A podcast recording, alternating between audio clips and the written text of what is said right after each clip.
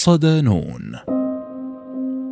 شعب تشوكشي رعاة وصيادون فشل الروس في إبادتهم. ضمن ملف حكايا شعوب. مقال لعائد عميرة. تعتبر مناطق سيبيريا الواقعة في الجزء الشمالي الشرقي لروسيا ملتقى الشعوب.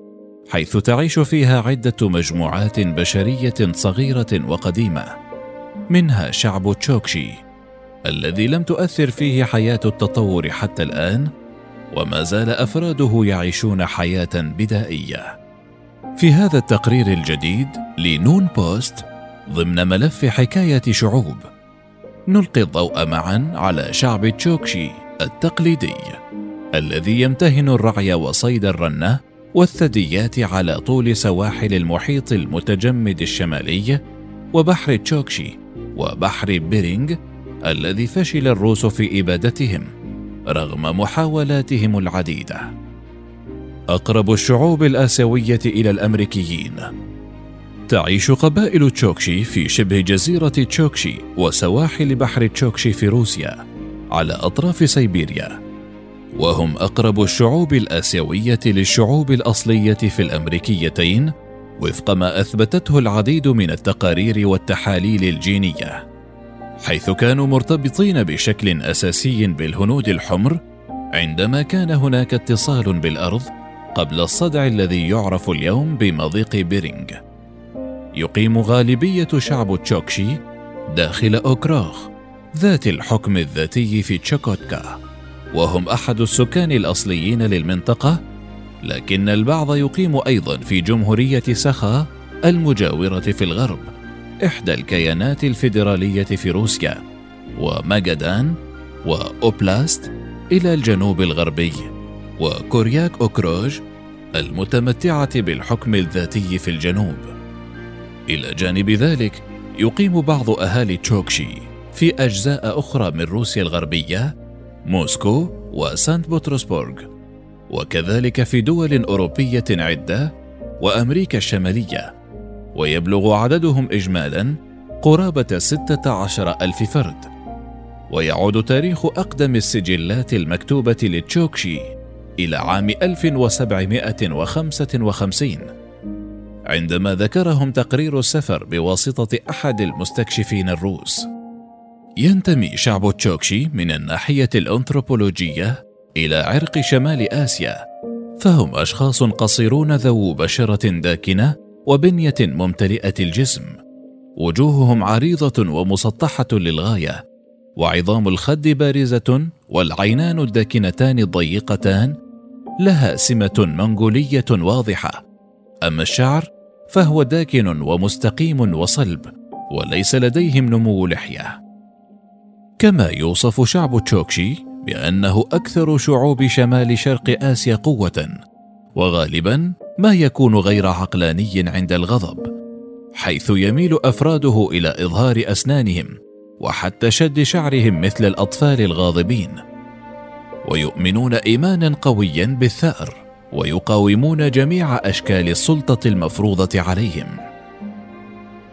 مقاومة الروس يطلق على شعب تشوكشي أفضل الناجين وذلك لنجاحهم في الحفاظ على أرضهم وثقافتهم رغم جميع محاولات الاتحاد السوفيتي القضاء عليهم وإبادتهم في مرات كثيرة.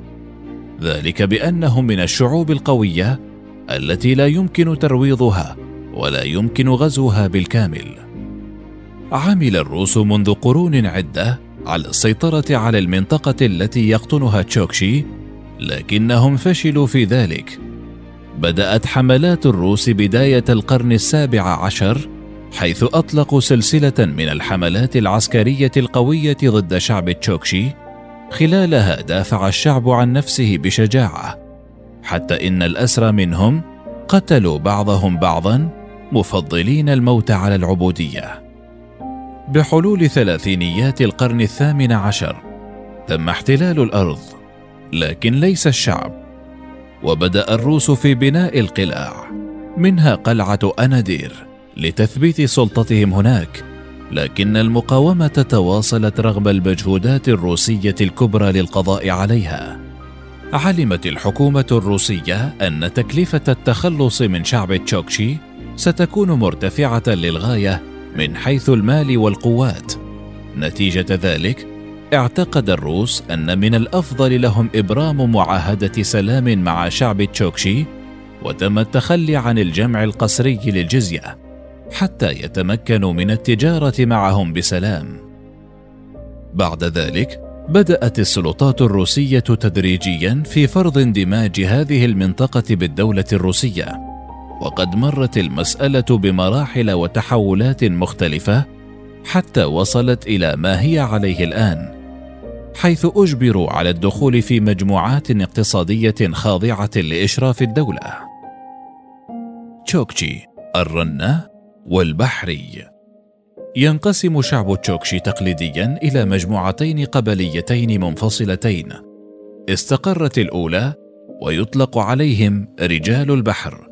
في الشمال على الساحل والأخرى اختارت التجول مع قطعانهم بشكل بدوي ويطلق على المنتسبين لها رجال الرنة. استقر شعب تشوكشي البحري في مساكنهم التقليدية في قرى ثابتة على الساحل فكانت منازلهم تقام عادة تحت الأرض وعاشوا أساسا من صيد الثدييات البحرية في القطب الشمالي وخاصة الفظ والفقمة والحيتان وصيد الأسماك كما يتم اصطياد الدبابة القطبية. ويعتبر صيد الحيتان موسميا اعتمادا على هجراتهم فيما يتم اصطياد الحيوانات الأخرى طوال العام على الساحل وعلى الجليد البحري وفي البحر المفتوح. وتستخدم القوارب الجلدية والحراب والرماح والشباك للصيد.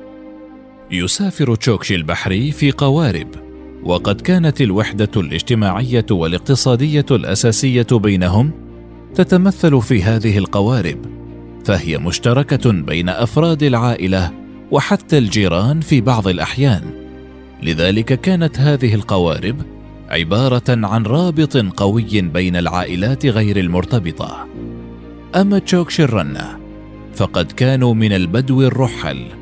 الذين يعيشون في الخيام حيث يميلون إلى التجول مع قطعانهم بشكل بدوي ويغيرون مكان إقامتهم وفقا للتغيير الموسمي في المراعي. ويعتمدون في النقل على الزلاجات التي تجرها حيوانات الرنة أو الكلاب التي يتم تسخيرها في أزواج. تتلخص حياة هذه المجموعة في الرنة حيث كانت قطعان الرنة تزودهم بوسائل النقل والحليب واللحوم للطعام والجلود للملابس والمأوى كما أن الأهالي يهاجرون موسميا مع قطعانهم من الرنة. وتتم الهجرات الصيفية سيرا على الأقدام وفي الشتاء بواسطة زلاجات الرنة. تتطلب ممارسات رعي الرنة اهتماما كاملا وأسلوب حياة متكامل.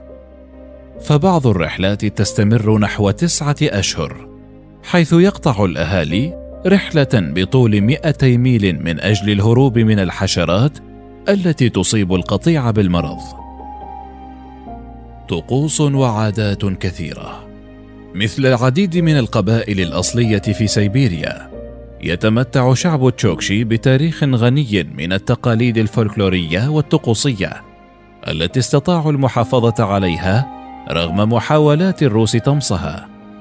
فمن عاداتهم مثلا أن تخرج المرأة عندما تكون حاملا كل يوم بمجرد استيقاظها للنظر إلى شروق الشمس وتدور حول مسكنها في اتجاه حركة الشمس. وعندما يحين وقت الولادة لا يمكن للرجال الدخول إلى غرفة النوم حيث تلد حيث يعتقد أن الحظ السيء قد يرافقهم. كما في الولادة في الوفاة أيضا طقوس عدة حيث يتم وضع المتوفى في غرفة النوم ويتم مراقبته لمدة يوم أو نحو ذلك في حالة عودته إلى الحياة. وفي هذا الوقت يحظر ضرب الطبول أو إصدار أصوات صاخبة أخرى.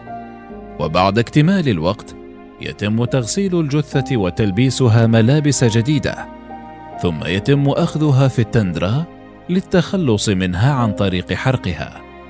إلى جانب ذلك يتضمن فولكلور تشوكشي أساطير عن خلق الأرض والقمر والشمس والنجوم ومعارك الشعب القديمة وحكايات عديدة عن الحيوانات وقصص عن الأرواح الشريرة المسؤولة عن الأمراض وغيرها من المصائب وقصص عن الشامان كهنة القبائل مع قوى خارقة.